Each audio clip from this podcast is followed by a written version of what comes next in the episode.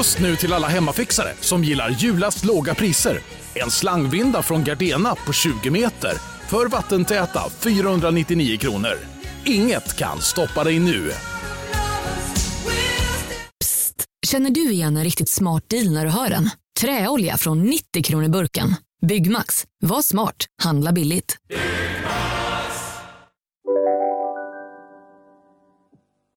Fy fan vilken fruktansvärt vidrig dryck.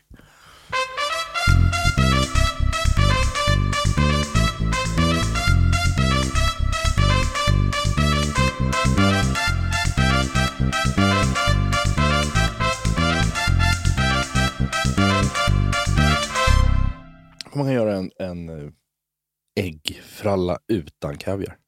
Mm, Den är helt eh, torr. Ja, det, är torr, det är torraste jag någonsin ätit i hela mitt liv. Okej, Ja. klockan är 07.30. Mm. Det är, så här tidigt har vi aldrig poddat förut Niklas. Det har vi inte gjort. Hur känns det? Nej, men jag är ju alltid uppe så här dags och tränar och har mig. Så att jag, för mig är det lugnt. Men du har ju gått hit Mm. också. I regnet. Ja. Duktig. Tack. Men, men du, eh, men du, fan, du är ju alltid uppe så här tidigt. Ja, o- jo. Börjar mer och mer förvandlas, tror jag. Det har väl att göra med att jag är så jävla gammal. Till någon typ av sån här, vad kallas det för? 5 am person. Mm.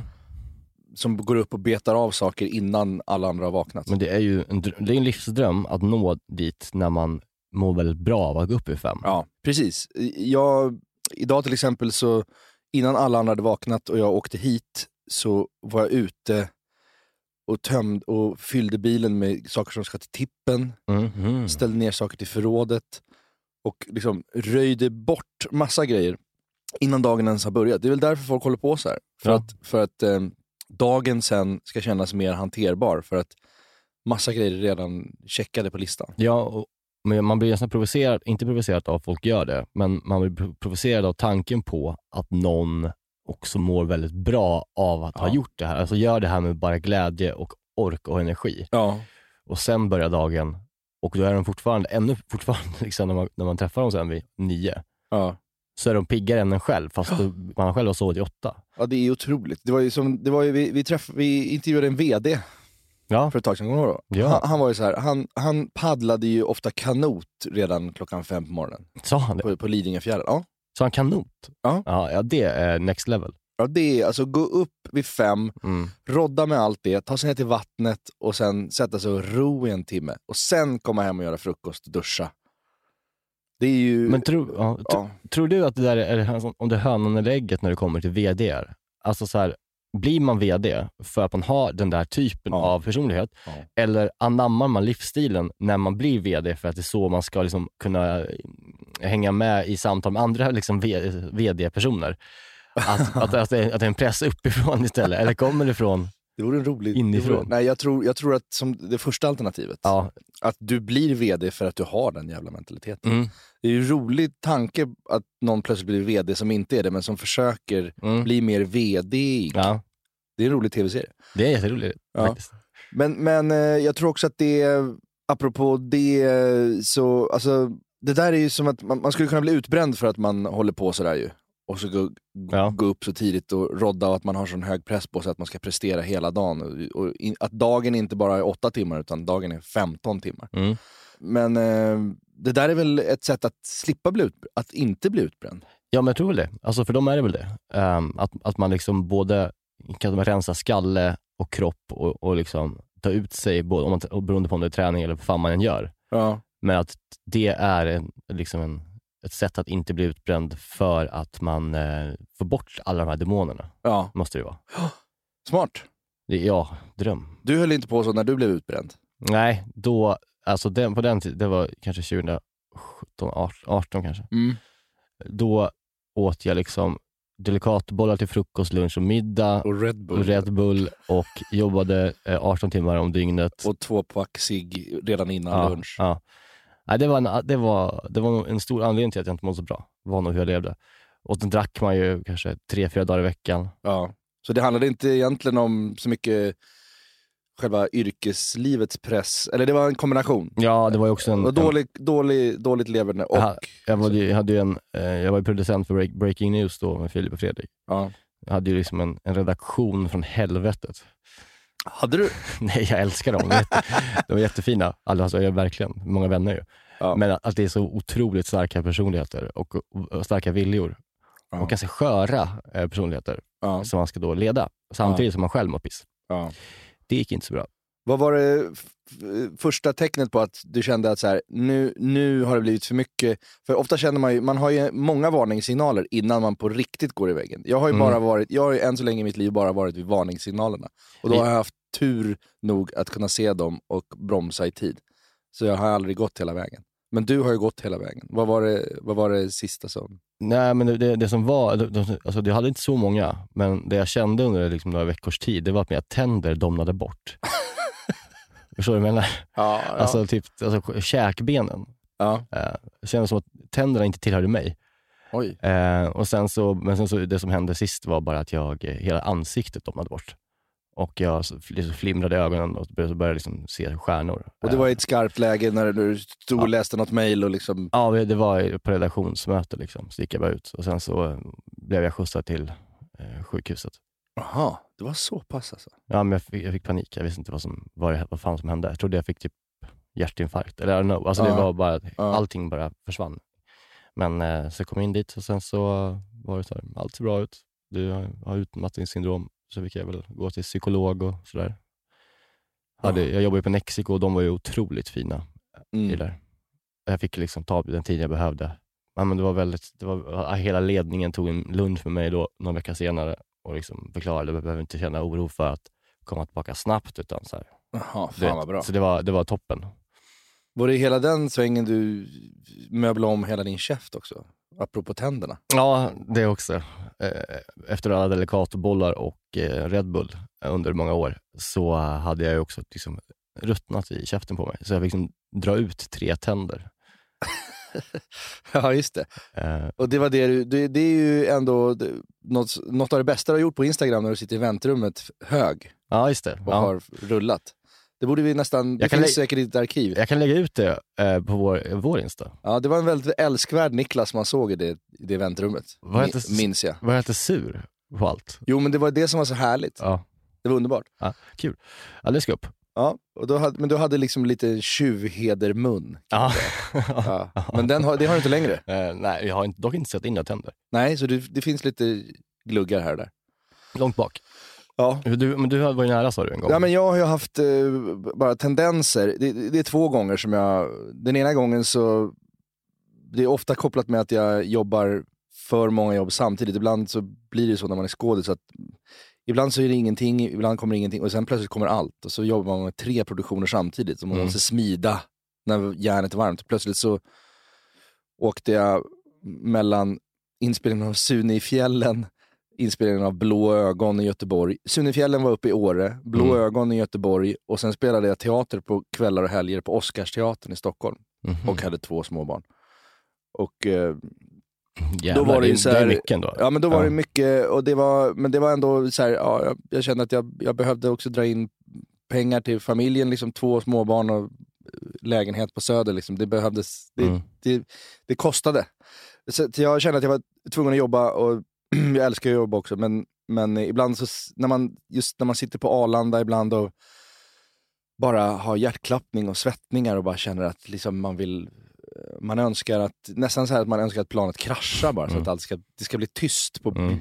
bjäbbet ska ta slut. Att det ska bara bli tyst någon gång.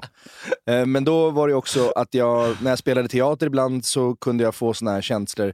Då, sitter man i, då spelar man inför 700 pers liksom. Mm. Och plötsligt står man på scen och bara ser sig själv utifrån och vet inte vad man är eller vad man ska säga eller någonting. Fan, Och sekunderna står still och man säger så här, Och man hinner komma på att sekunderna står still. Man hinner komma på att publiken ser en. Ändå så kan man komma på vad man ska säga. Och så står man bara där och känner, nu kan jag förstöra allt.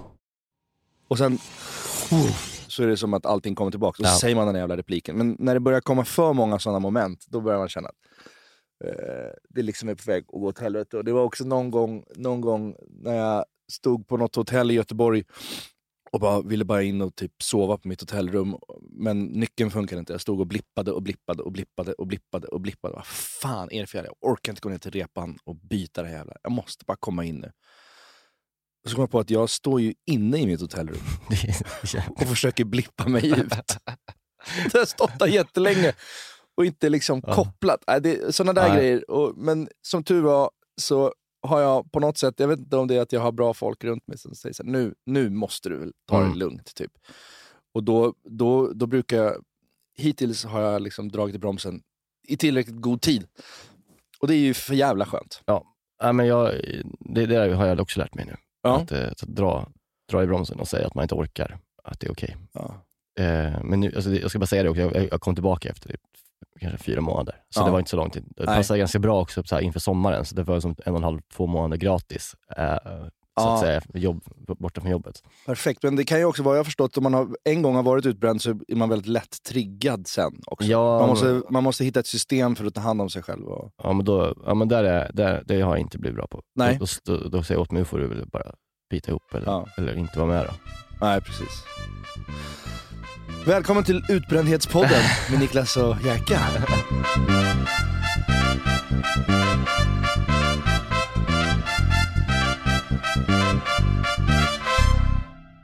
Vi är den här veckan sponsrade av Bosch och framförallt köksmaskinen serie 6. Serie 6, maskinen som kommer få både dig och mig, och, eller redan har fått både dig och mig att börja baka mycket mer än vad vi redan gör. Och detta gör vi då med hjälp av Bosch eh, serie 6.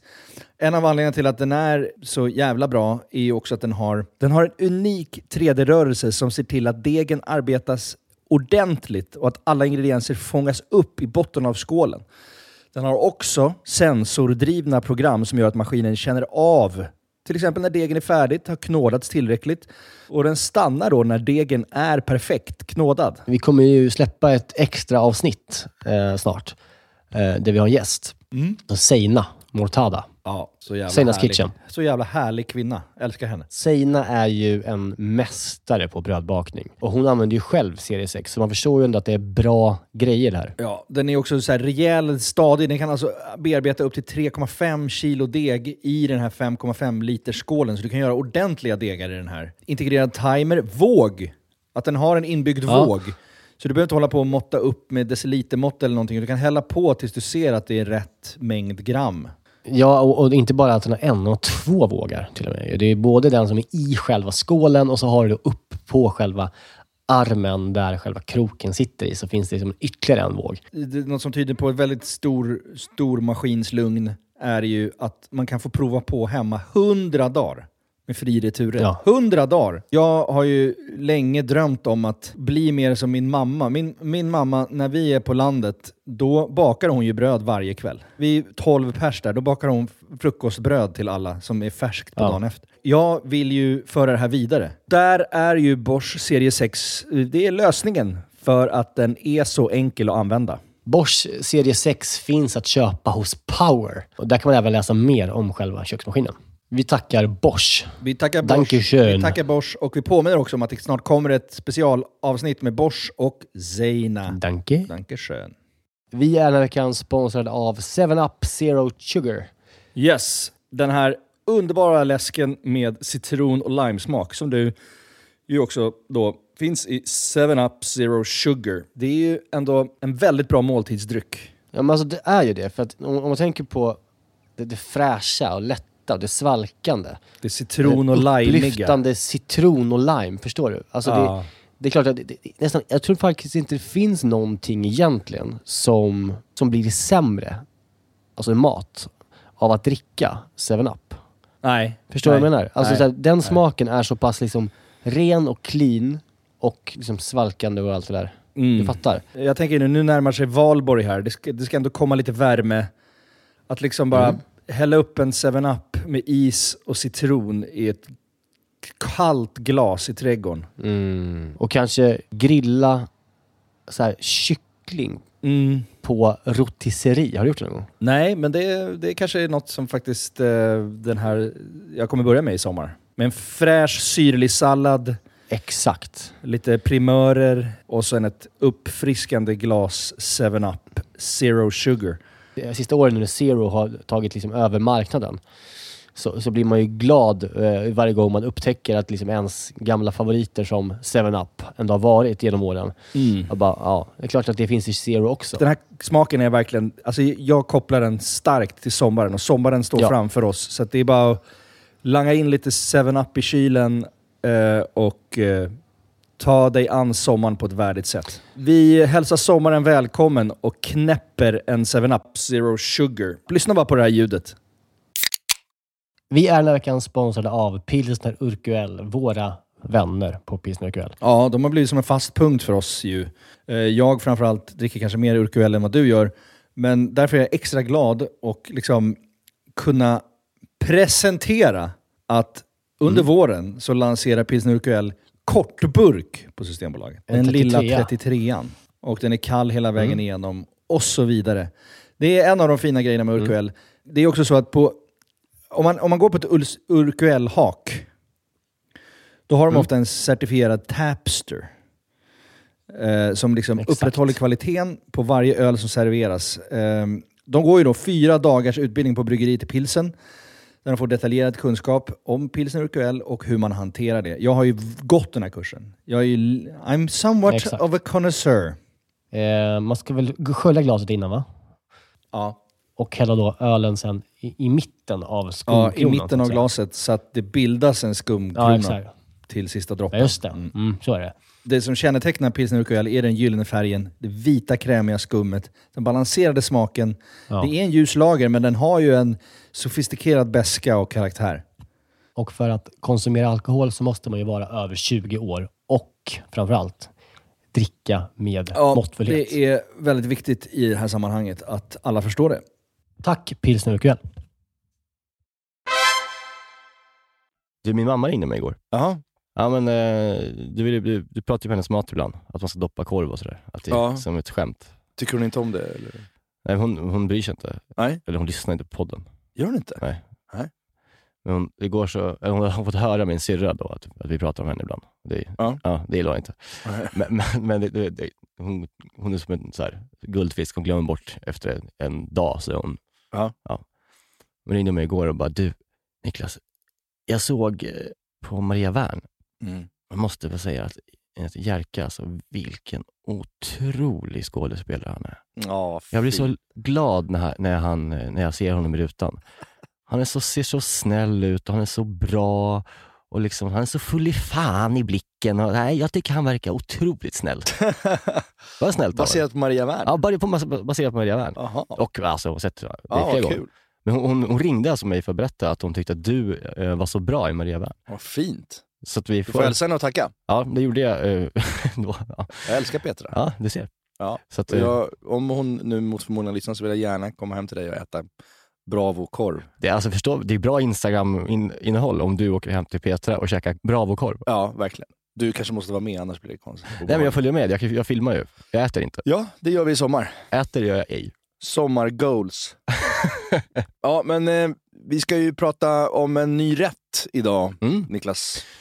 Ett kök som jag tror varken du eller jag är så jävla hemma i egentligen. Va? Det Nej. japanska köket. Nej, nej det, det är inte, tyvärr. Jag önskar att eh, vi, vi börjar ju närma oss lite när, vi, när man närmar sig Kranby och Mm. det asiatiska köket, att man börjar utforska lite mer det köket. Men eh, japanska, nej, där har man inte mycket att hämta. Nej, jag tänkte prata om rätt då som heter tonkatsu. Just det. Tonkatsu. Och det betyder griskotlett har jag googlat mig till. Ja, exakt. Ton- Ton, är gris. Gris Cutlet. Eller så och katsu är typ cutlet. Och eh, det här är en, som en japansk egentligen street food-rätt som är liksom lite så här väst, eh. Mm. Det är ju alltså egentligen som en, eh, vad ska man säga, som en schnitzel. Ja, den kallas väl också Japan, den japanska schnitzel. Ja. Ja. Och den är ju serverad då med en tonkatsu-sås. Just det. Den är lite så klibbig, Ja. brun. Jo, tonkatsu-sås, det är liksom, den köps ofta färdig i Japan. Alltså det är som att köpa en ketchup där. Ja. Typ. Alltså det finns verkligen på alla butiker. Så, Ja. så det är liksom inte en, en grej som man köper som, så här, som man ska göra själv. Nej. Men, och den, den finns inte i Sverige. Eller jag inte har hittat det i alla fall. Det är inte lätt att hitta det. Aha, så okej. man, och då gör man en tonkatsu-sås. Och då är det liksom eh, ketchup, Worcestersås, japansk soja, honung och lite olja som man vev, vevar ihop. Liksom. Okej. Men den här rätten är eh, som sagt en street food, eh, street food grej nästan. Den finns alltså, i varje jävla gathörn. Alltså man, man äter den här verkligen på, det är som att gå till 7-Eleven och köpa en dubbelpipig, Mm. eller det finns inte dubbelpipiga, det fanns ju förut, dubbelpipiga french. Ja, vackert ju. Ja. Den, den är också väldigt vanlig att äta inför man ska göra en prestation. Typ. Om du ska liksom plugga, göra det som ett prov eller om du ska liksom göra en idrotts... Om du ska tävla någonting. Mm. För eh, att ordet eh, tonkatsu, det låter som att när man säger eh, att vinna på japanska. Mhm. Alltså ett katsu, typ. men det är ett annat uttal kanske. I don't know, men det, det, är liksom, det, det kommer därifrån. Det är en ordlek med det. Och då blir det sån här, någon sån vidskeplighet i att man ska äta tonkatsu innan man ska liksom prestera. Ah, ja, ja.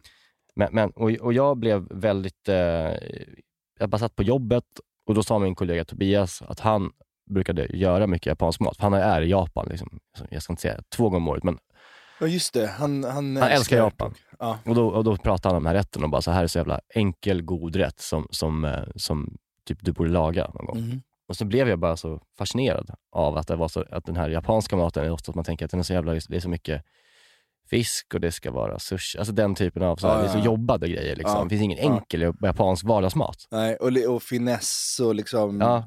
d- eh, vassa knivar som liksom ska skära igenom någon blåsfisk. På rätt sätt. Där, Ja. där man måste skära rätt annars förgiftar man hela Ja men precis. Och någon jävla risvinäger från helvetet som man ska hitta och Ja, kunna hitta och några, någon sushi-ris och det ska, ja men du vet, det, det känns som att det, är jävla, att det är svårt att göra japansk mat bara så här vardagsmässigt. Ja, Här finns ju allt som Ja. rätten innehåller. Finns överallt. ja, fantastiskt. Eh, och då så, så började jag liksom googla på den här rätten och då, det är ju den här schnitzeln då som är panerad i panko och sen så är det liksom en kålsallad till. Så spetskålsallad eller vitkålsallad. Mm. Jag kör spets, spetskål är godare tycker jag. Mm. Och sen tonkatsu-såsen. Mm. Det är det som är rätten. That's it, man gör inget, man krämar inte till den här kålen på något Jo, sätt. och det, och det var det jag, när jag började googla, och så googlade jag alla världens hörn efter olika recept och så här, men sen så fastnade jag för ett recept, Ja. eh, just gällande kålen. Eh, som är då Jenny Valdén. Ja, hon som vann Mästerkocken 2017. Ja, det. Kanske. Något sånt. hon i alla Väldigt fall- duktig. I alla fall, ja, eh, tycker jag också. Och framförallt så, eh, så var det så kul att just det, jag googlade kanske på 40 recept på den här tonkatsun. Ja, Okej. Och jag fast, enda liksom jag fastnade för gällande kålen, Mm. det fanns jättemånga bra andra grejer på andra som andra, andra gjorde med själva köttbiten. Mm. Men med kålen så hade hon gjort en, en krämig eh, sås till salladen. Så det blev en Ah. krämig kålsallad. Ja. Och den snodde jag rakt av. Ja, men det, jag kan tänka mig att eh, när jag ser rätten framför mig så är det ändå mysigare alltid med en lite göttad kål än en helt plain kål. Det tycker jag är som ibland när man får pizzasallad Mm. och de har orkat ha i lite crème fraîche i. Mm. Det kanske inte är kosher då Nej, om vi pratar om bra pizzasallad. nej, Men jag det, gillar det blir godare. Ja. Eh, och då, hon, det, är ganska, det är också en väldigt enkel sås. Mm. Men det är liksom eh, eh, majonnäs, soja, sesamolja, risvinäger, socker. Och sen så har man då tre matskedar rostade sesamfrön i. Mm. Mort, mortar till dem lite med kniven bara på, så att Mm. de får ut all smak. Mm. Och blandar ihop det där. Ja. Så, och sen så bara drar man det över kålsalladen. Just det. Jävlar vad det var gott Ja. till det här. Eh, så att, så att, eh, tack Jenny Valdén för själva den grejen. Ja. Sen, sen, sen så gick jag på andras eh, sätt att göra det när det kom till själva köttet. Just det. Men det man behöver till den här enkla japanska vardags street food-rätten, Ja. det är egentligen fläskkotletter. Och så behöver man, för att liksom göra själva paneringen, så behöver man vetemjöl och ägg. Kan man köra panko, ju. Mm, mm. men det jag gjorde, det var att jag tog vanligt jävla, vanlig formfranska och mixade upp den. Oj. Och det var ett recept jag hittade som, de, som gjorde så. Mhm. Eh, och sen så kör man liksom så att säga färskt ströbröd. Alltså man rostar inte av det där sen Nej, heller, nej. utan man använder, man, man bara mixar egentligen. Ja. Eh, vitt bröd. Får man samma krisp? Som Ja, mer krisp. Panko är otroligt krispigt. Ja, men det blir nästan mer krisp av det. Mm, Okej. Eh, så det är tips man kan göra. Mm. Det kommer vi återkomma till. Eh, och sen så behöver man till eh, kålsalladen, som jag sa, eh, spetskål, majonnäs, japansk soja, sesamolja, risvinäger, strösocker och sesamfrön som man rostar. Till tonkatsu-såsen då, så behöver man ketchup, worcestersås, japansk soja och honung. Mm. That's it. Ja, det här, det här är, nu börjar vi snacka saker som man kan svänga ihop en vardag till sina kids. Typ. Exakt, och det är ju väldigt roligt att testa liksom, nya vardagsrätter på det här sättet. Alltså, det är ju inte- inget speciellt egentligen, det är en sån jävla panerad och liksom friterad köttbit med en god och krämig kålsallad. Det finns ju också en ännu street foodigare version och det är katsu sando. Ja, vad är det då? Ja, men det är ju som en eh, eh, tonkatsu-macka. Mhm, Den har vi ja, till och ja, med haft som gästspel på Häxan en gång. Just det. En katsu sando. Där är bara den där schnitzeln i vitt bröd. Åh fan, Svinhärligt. det är underbart. Ja.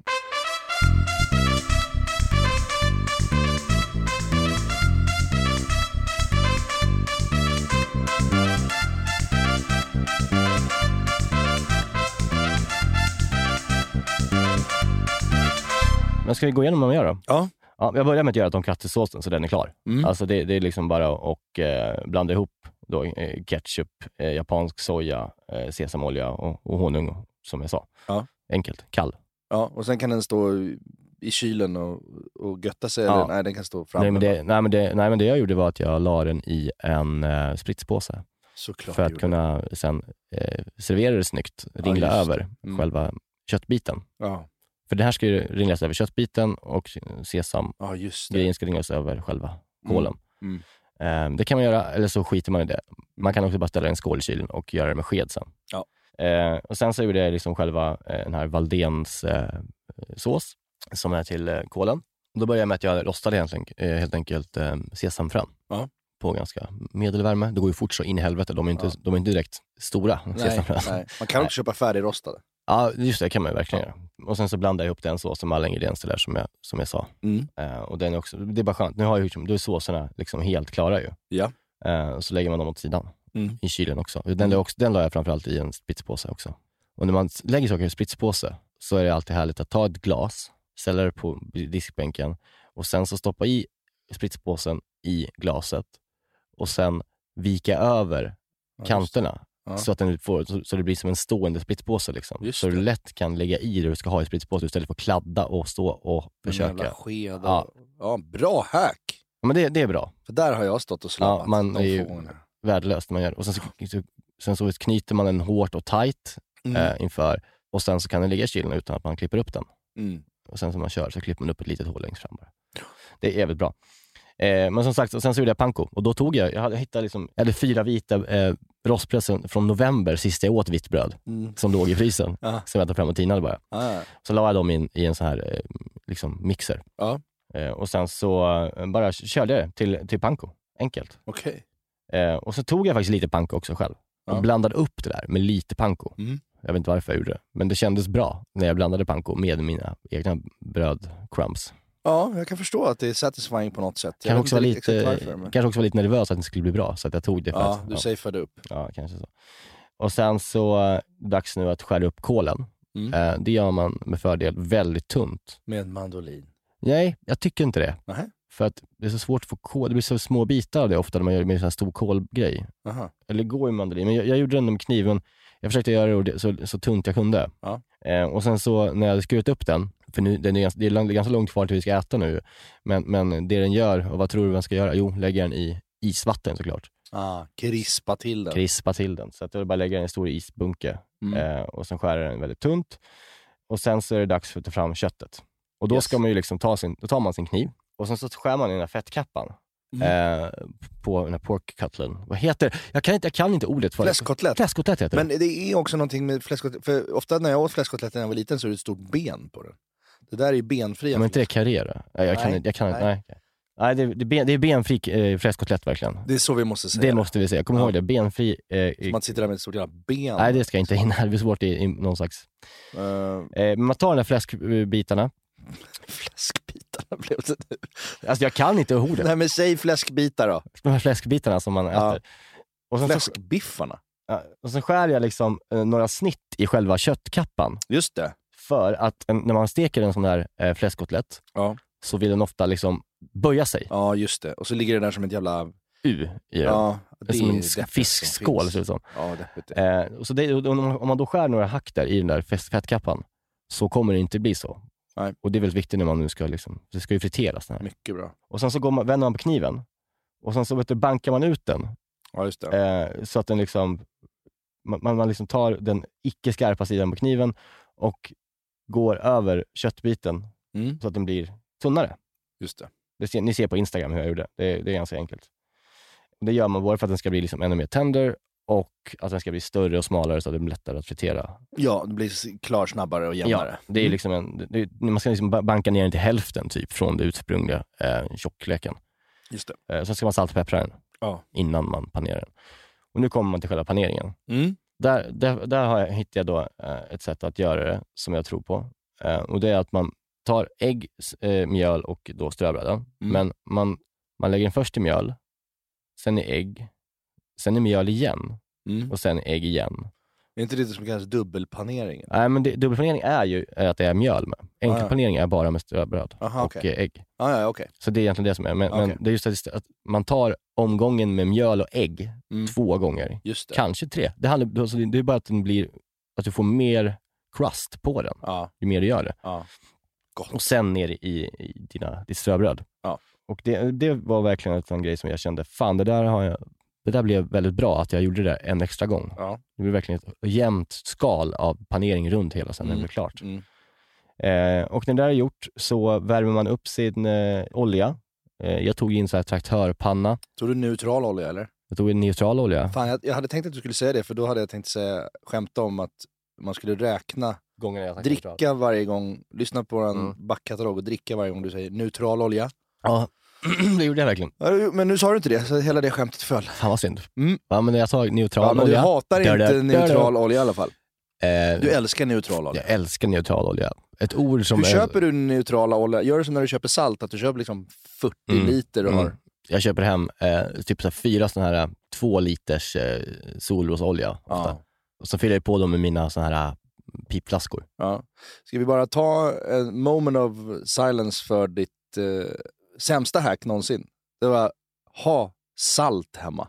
Bästa. Det är, vi, jag tycker nästan vi kan lyssna på det igen. det är- det är bra. Köp då typ, två kilo salt. Om man, om man har en sån här bytta som jag har, så fyller jag hela den med salt. Så har jag salt liksom i ett åtta månader. Ja. Som jag liksom bara har där. Alltså just bunkra salt, ha alltid mycket salt hemma. Det är så billigt. Okej, så veckans hack är ha salt hemma. Fan.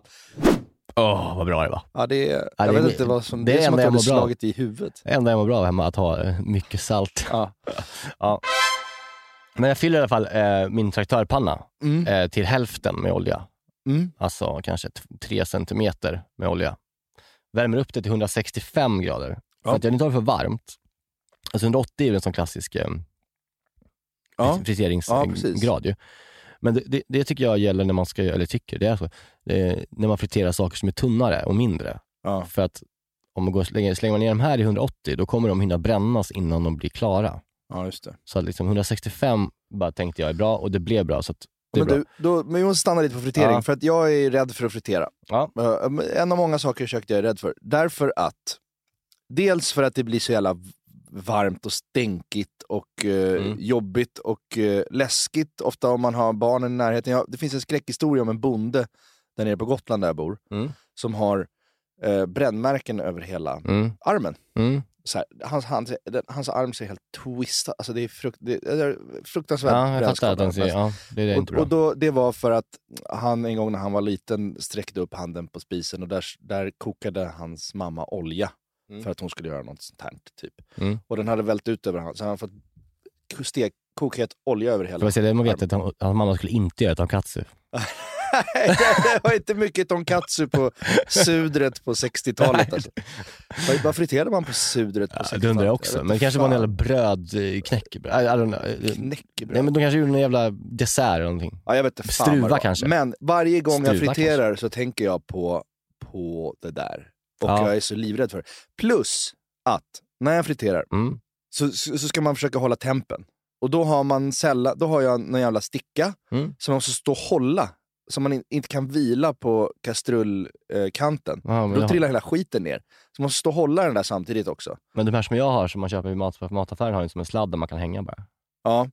Man ska nog köpa någon bra frit, fritös. Nej, jag, har en, nej, Nej? jag har den billigaste från liksom, Ah, ja, matbutiken.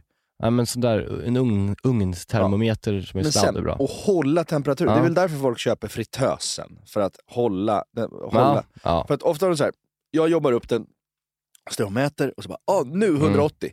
Och sen eh, lägger jag i, då kanske det sjunker då. Mm. För att då kommer det en kall köttbit eller någon pommes frites i. Då sjunker den, då måste jag höja.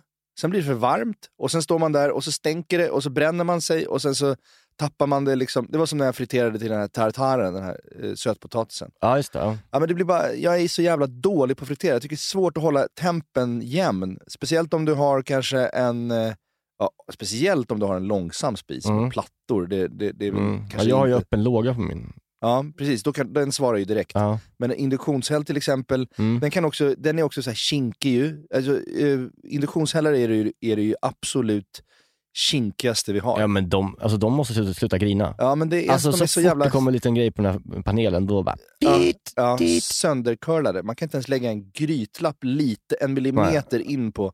Då börjar den jiddra och stänger av sig. Jag vill inte vara- Och- vara med längre. Och ibland låser den sig också. Ja. Och så, det är hemskt. Ja. Jag, jag, på, på ett sätt älskar jag Ja, induktionshäll jag för att det Men går snabbt. gör bara en som typ, funkar, Ja. som tål saker. Ja, nej, men det, jag tycker Nej, att det är jag, svårt. okej, men jag tycker så här. Absolut, det är ju inte så jävla lätt att hålla exakt temperatur, men det är inte heller så jävla viktigt att ha exakt temperatur eh, när man gör så, när man friterar. Utan om man nu har termometern i när man, när man värmer upp den, Ja. så kan man, om man inte friterar för mycket, så kan den, den kan ju också ligga kvar i den så du ser. Ja. Men du kan ju gå lite varmare också. Du kan gå så här, om du ska ha 165, gå till 170 då. Mm. Eh, och sen så lägger du i det.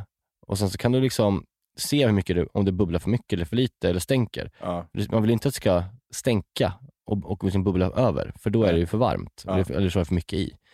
Så att om du får upp till 170, säger vi då, ta av den på plattan då, då Ja. eh, när du har lagt ner dem. Ja. Så ser du, då kommer det ta kanske 30 sekunder och sen så kommer kanske det sluta bubbla och då får du dra tillbaka den. Men man vill ha det här jämna, se bara ett jämnt flöde av liksom fritering. Ja. Då är det bra, liksom. Som inte är för, liksom, för stormkokigt. Eh, så, så jobba fram och tillbaka på plattan så. Mm. Du kan fortfarande ha plattan på, Mm.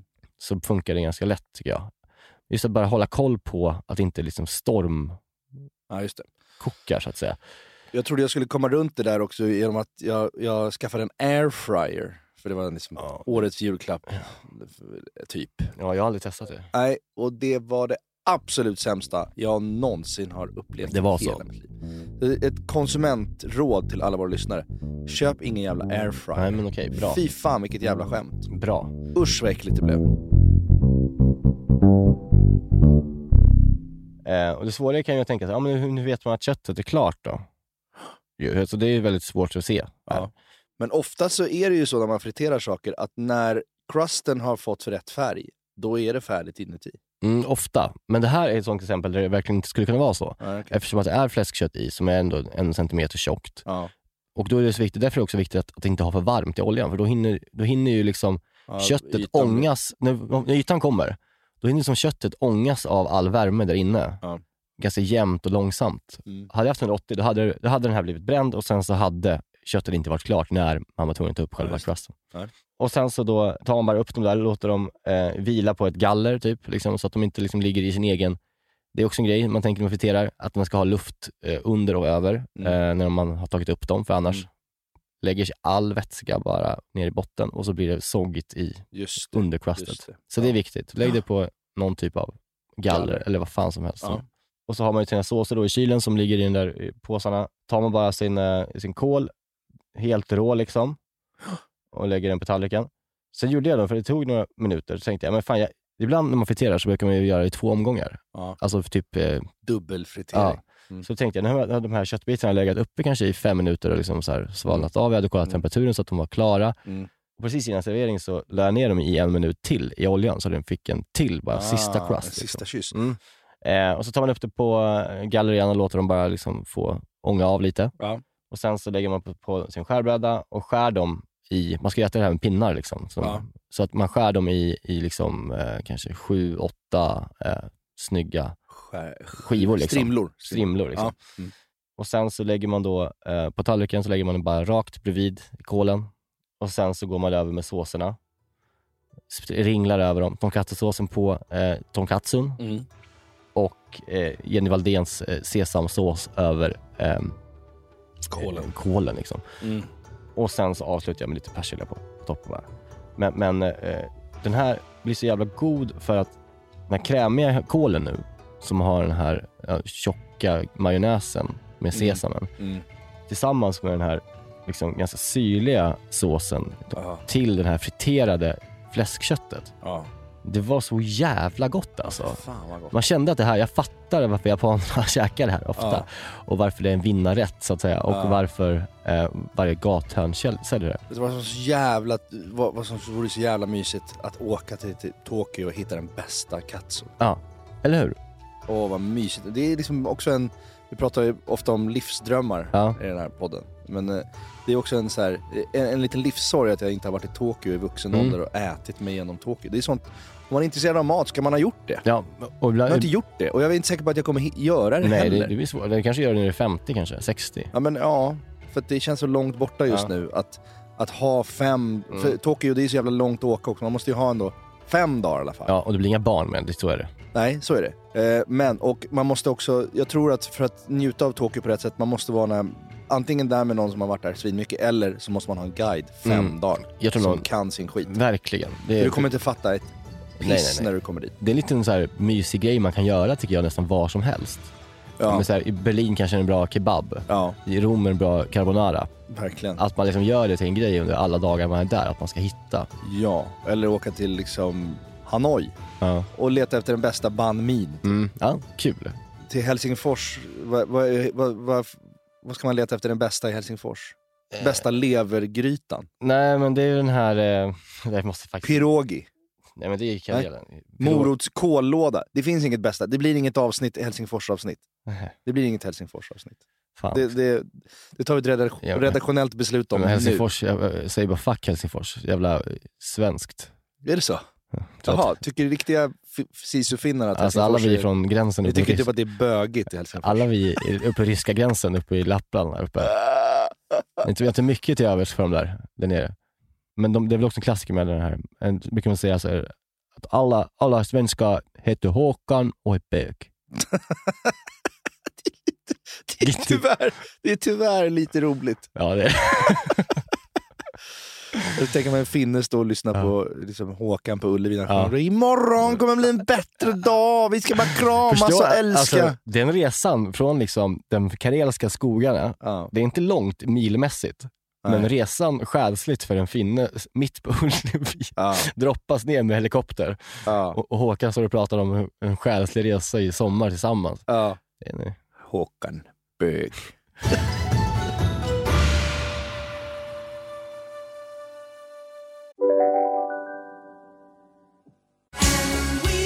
Just nu till alla hemmafixare som gillar julast låga priser. En slangvinda från Gardena på 20 meter för vattentäta 499 kronor. Inget kan stoppa dig nu. Om en yogamatta är på väg till dig, som gör att du för första gången hittar ditt inre lugn, ett lugn du inte trodde fanns, som gör att du blir en trevligare partner, en bättre bilförare, en bättre kock. Du blir befordrad på jobbet men tackar nej, för att du inte längre drivs av prestation utan vill göra saker som känns meningsfulla i livet. Och, ja, eller ja, då finns det flera smarta sätt att beställa hem din yogamatta på. Som till våra paketboxar placerade på en plats nära dig och tillgängliga dygnet runt. Hälsningar Postnord. Hej, Susanne Axel här. När du gör som jag och listar dig på en av Krys vårdcentraler får du en fast läkarkontakt som kan din sjukdomshistoria. Du får träffa erfarna specialister, tillgång till lättakuten och så kan du chatta med vårdpersonalen. Så gör ditt viktigaste val idag, lista dig hos Kry. Men rätten är klar, eller? Rätten är ju klar. Alltså Ja. det, den här rätten tar ju då, skulle säga, alltså en halvtimme från axellimpa och då tar jag i. Alltså friteringen tar ju kanske 10 minuter ungefär. Om man vänder, Mm. när man friterar hela tiden så vänder man ju fram och tillbaka. Det är Ja, inte så att man liksom låter den ligga på en sida hela tiden, utan man, man vänder ju fram och tillbaka. Mm. Eh, men det kan man ju se på Instagram. Eh, men och sen, sen så är det ju, kålen ska ju bara skäras upp och såserna ska blandas ihop. Ja. Alltså det är ju väldigt så eh, bra vardagsrätt att göra. Ja. Och kul att göra en annan typ av vardagsrätt ju. Och Ja. det, jag, alltså, inte, känner du igen det här att det är så kul att upptäcka, aha, kan japanska kök också vara det här? Ja. Alltså, man har sin bild av vad ett kök kan vara. Ja. Och sen så bara, ah, okej, fan nice, då, kan då orkar jag ju då pallar jag med att göra skiten. Ja. ja men man har också någon bild om att det alltid ska vara att det är så här magert och eh, Mm. liksom, Ja, exakt. eh, fräscht. Men det här är inte så jävla nyttigt. Nej. Det är, liksom, det Det är, är socker och det är majonnäs och det är det är fritering och det är fritering, panering. bröd och det är, det är kolen som är nyttig. Ja. Ja, det den är jätte, jättegod. Eh, så den tycker jag verkligen ni ska testa. Ja. Tonkatsu. Tonkatsu. Eh, du hade också någon veckans äckel. Jo, men jag, jag är ju med i de här matgrupperna Ja, just det. eh, på Facebook. Mm.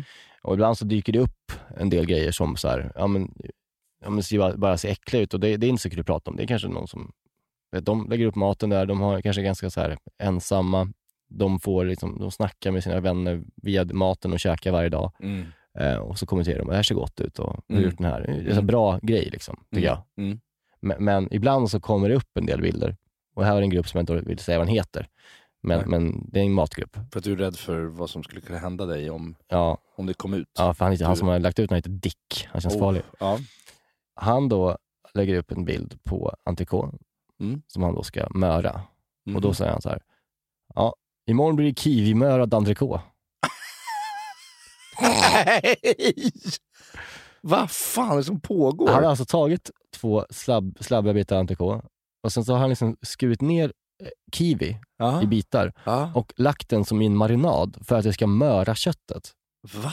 Det, någonting händer, men jag tror inte att det är mörning. Jag tror att det är ganska mycket syra. Jag kan tänka mig att det liksom blir oxiderat, men inte fan blir det mörat. Alltså det där, Men finns det någon som helst liksom, vetenskapliga belägg för det där? Vet han något som vi inte vet? Alltså, är han ett geni eller är han en, Mm, gal, en galning? jag, Förmodligen en galning. Att, nej, men det- tydligen så är det här någon typ av grej att man kan göra det här. Alltså, Med just kiwi, eller vadå? ja, alltså det, det är också så här, det kan man inte. Det är någon som har läst någon dålig teori någonstans. Men det är en grej i alla fall. Alltså det är inte bara han som gör det. Kiwimörad entrecote. Eh, Alltså, det är AGs köttdiskar där de hängmörar kött. Det finns inte skitmycket kiwi i de, i de montrarna. Alltså han skrev ju då också att han hade... Nästa gång så marinerar jag dygnet innan och sen lägger, lägger i kiwi precis innan så slipper matgästerna bli besvikna. Va? Alltså han hade alltså på något vis då marinerat den i ett dygn i kiwi, vilket då gör att det blir, eh, att det måste ju bli total oxiderat av, Ja, och surt. Liksom syr. ja, nej, men jag tror inte på det, att det är så gott. Då skriver Lotta så här, vi mörde i ananas en annan gång i köttet och det blev jättegott. Tyvärr blev det som leverpastej. Det är kul. Fan! Vad är det här för grupper du är med? Det här är... Nej men det, de testar, ja, de håller på. Men Vad fan, man behöver inte möra en entrecote. Eller liksom, nej, nej, vadå? det. Det nej, nej, nej, jag vet. Jag vet. Eller ja, om du köper en sån här riktig piss-entrecote, vackad liksom, göra det. slaggig entrecote. Men, Men, köper eh, du bara en normal, bra entrecote så är ju den jättemör om du lagar den rätt. Ja, jag förstår inte. Nej, inte jag heller. Och jag tycker att det var, det- men det är liksom ibland så finns det vissa typer av så här, det finns ju mycket, röd och, rån och röd, vad heter rån och röd? Råd och rön. råd och rön kring så här, eller mer så här hem, eh, vad heter det, husmorstips egentligen. Så här, det här Ja. kan man göra. Det är, liksom- det, det är Ja. den lådan av liksom matlagning här. Att om man, och det, det, är liksom, det blir inte så bra. Framförallt så leder den här tråden till att folk disk- diskuterar saker som är liksom lite äckliga. Ja. Och då är det en kvinna som heter Annika. Att hon lägger skorpor i mjölk som flyter runt som båtar. Och sen lastar man dem med lingonsylt och sänker dem. Och sen äter de dem då när de ligger där sänkta i mjölk och lingonsylt. Som en liten procedur också. Alltså man lastar på tillräckligt mycket lingonsylt tills de sjunker och då Ja. vet man att man är hemma. Ja, då kan man äta dem. Det låter i och för sig som som din mamma skulle kunna äta Ja, som ja, kvällsmål. Och eh, Robin brukar då ta skorpor och Mariekex i en tallrik mjölk i mikron så att de blir varma och liksom blir, går ihop och sen tar han lite strävsocker på. Mm. Och sen så Matilda, smörgåstårta med risgrynsgröt i. Nej, men vad fan. Eh, Monica, ja, när jag gör pasta så har jag alltid socker på på slutet. Va? Och så, säger, så kommer Heidi in, och kanel, mums. Så kommer hon, Monica igen. Och lite keso! På pastan med Ja. socker. Ja. Men vad fan. ja, veckans äckel var därifrån. Kiwimörad entrecote. Mm. Don't Som, try this at home. som mynnade ut i lingonbåtar. Ja, sjukt.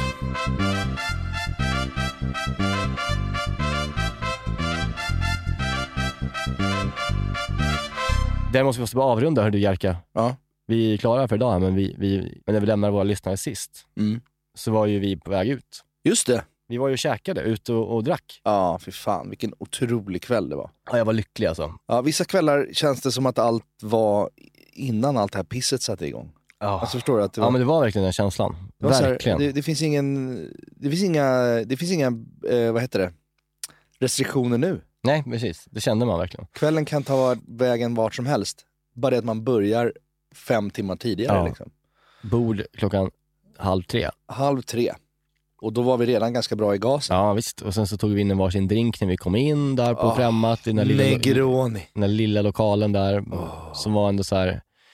Eh, och så sken solen ute. Det kändes som att man liksom lurade systemet lite. Ja. Och så kom rätterna in och ja men det var ju ja, det jävligt var gott. för jävla gott. Du Alltså. älskade den här eh, krabban va? Ja, De hade ju en, eh, en smörig krabba i en liten bytta bara med något. Ja men exakt, de hade en, en kokt krabba med japanskt ägg, med, med japansk äggkräm Ja, för fan. Med Den tyckte jag var bäst. God och brynsmör. Den var sådär, alltså saker som man bara ä- guckor som man bara, Ja. rätter som är som guckor som man äter med sked. Ja. Det, det blir något, att man inte behöver så sitta och skära Det är så jävla och så här, ja, men jag måste ta lite av det, lite av det, lite av det. Utan när en, restaurang bara har jobbat fram en gucka, Ja. Här är goda smaker, varsågod. ja, Ta och då, ät. det, är, Ja. det är det absolut bästa. Ja. Fan vad gott. Ja, jag tyckte också det var väldigt gott med den här bearnaisesåsen med vita sparrisen Ja, och, och rä- räkorna. Ja, det tyckte jag var jävligt gott. Och, ja. Ja, men det var mycket som var otroligt gott. Och, och sen så avslutade vi det där med att vi, vi gick därifrån sen när vi, för bordet, vårt bord var över där vid 14, eller vid 17.45 va, typ. Så gick vi till eh, en ny krog och sen så landade vi på karaoke. ja, det var ju också helt jävla underbart. Men då började jag, eh, då hade Emil Persson beställt in lite shots Ja, och jag är inte så bra på att dricka längre kände jag då. Att jag Nej. blev liksom ehm, otroligt full av det. ja. Så att jag kände att allting snurrade, så jag bara gick hem. ja jag det. minns inte ens att du försvann. Ja, Jag lämnade det bara. Ja, du gjorde en som vi, i, i, i, i, på den gamla goda tiden när man var ute alltid hela tiden med sina killkompisar, när, från att man var liksom 18 till 27. Mm. Då, då hade vi ett uttryck för det eh, när man bara försvann. Det hette run and deny.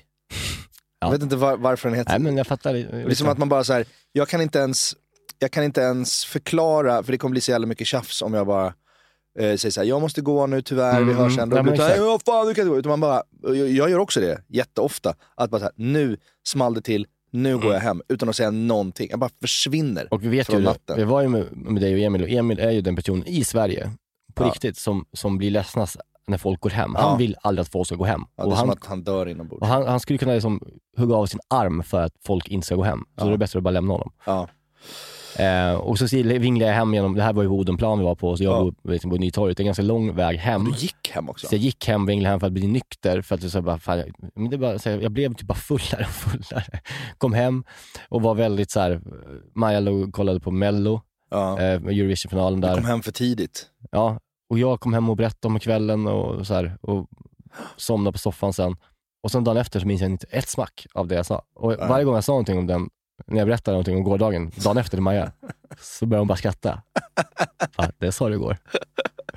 Så, så att, eh, jag ska bli bättre på att disponera mina fyllor. Ja, Men jag tycker, inte heller att, jag tycker inte heller att du ska gå hem, det gjorde du för sist nu också, att du gick hem längs en jävla kaj ensam. Mm. Och sig, nu var det ju, klockan är ju liksom Ja, nio. nio, ja, men ändå. Det är som, Ja. Jag får så missing people-vibbar, Ja, att du ska, när du är så full, så hoppa in i en taxi. Men för framförallt så ska jag inte bli så full. Och för det hade ah, gått... det kan man få Nej, men jag tyckte det är roligare om du inte blir så full. Alltså det var ju, jag höll ju Ja. mig på en bra nivå under hela kvällen. Ja, men du kanske ska bli en sån som inte dricker stark sprit bara. Ja, men det är så kul. Ja, Det är så kul. ja det är inte så jävla kul att gå hem. Men Nej. eh, det är alltid kul när vi får ses på det sättet. Det var jättekul och det var en fantastisk eh, restaurangupplevelse. Min enda liksom, brasklapp var väl att så här, jag sa till dig innan, får jag ett jävla naturvin så går jag. Och sen så säger jag till, så här, ja men vi kan dricka rödvin snart så ta Mm. in en flaska. Så gick jag på muggen. När jag kommer tillbaka från muggen, då står det en flaska fucking naturvin. Mm. Ja, jag missade det. Som också smakar svartvinbärsmjöd. Ja, du gillar inte det. Nej, det går inte. Nej. Så Och- det, var den enda, det var den enda lilla Eh, och som parentesen. sagt, eh, jag, jag bokade på min... Eh, jag ska ju som sagt jobba med en kväll med dem där på Gotland i sommar, på Furillen. De öppnar ju pop-up där och då bokade vi på den 3 juli nu. Kul! Och då sa de till mig, du får köra en rätt, vilken du vill. Alltså, du, du ansvarar för en rätt den kvällen. Mm. Då tänkte jag det vore kul att ta en rätt från podden. Ja. Då undrar jag vilken tycker jag ska köra. Oj. Jag undrar om jag ska köra... De är, det är ju mellanrätter de jobbar. Liksom.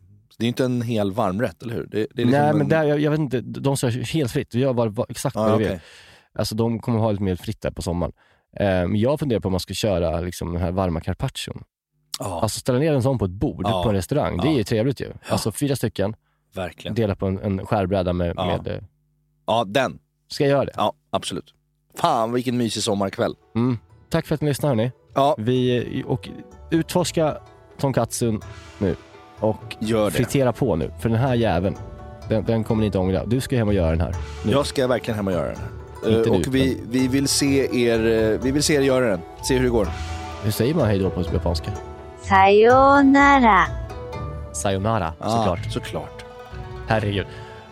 Sayonara och eh, vi ses nästa vecka. Puss. Puss!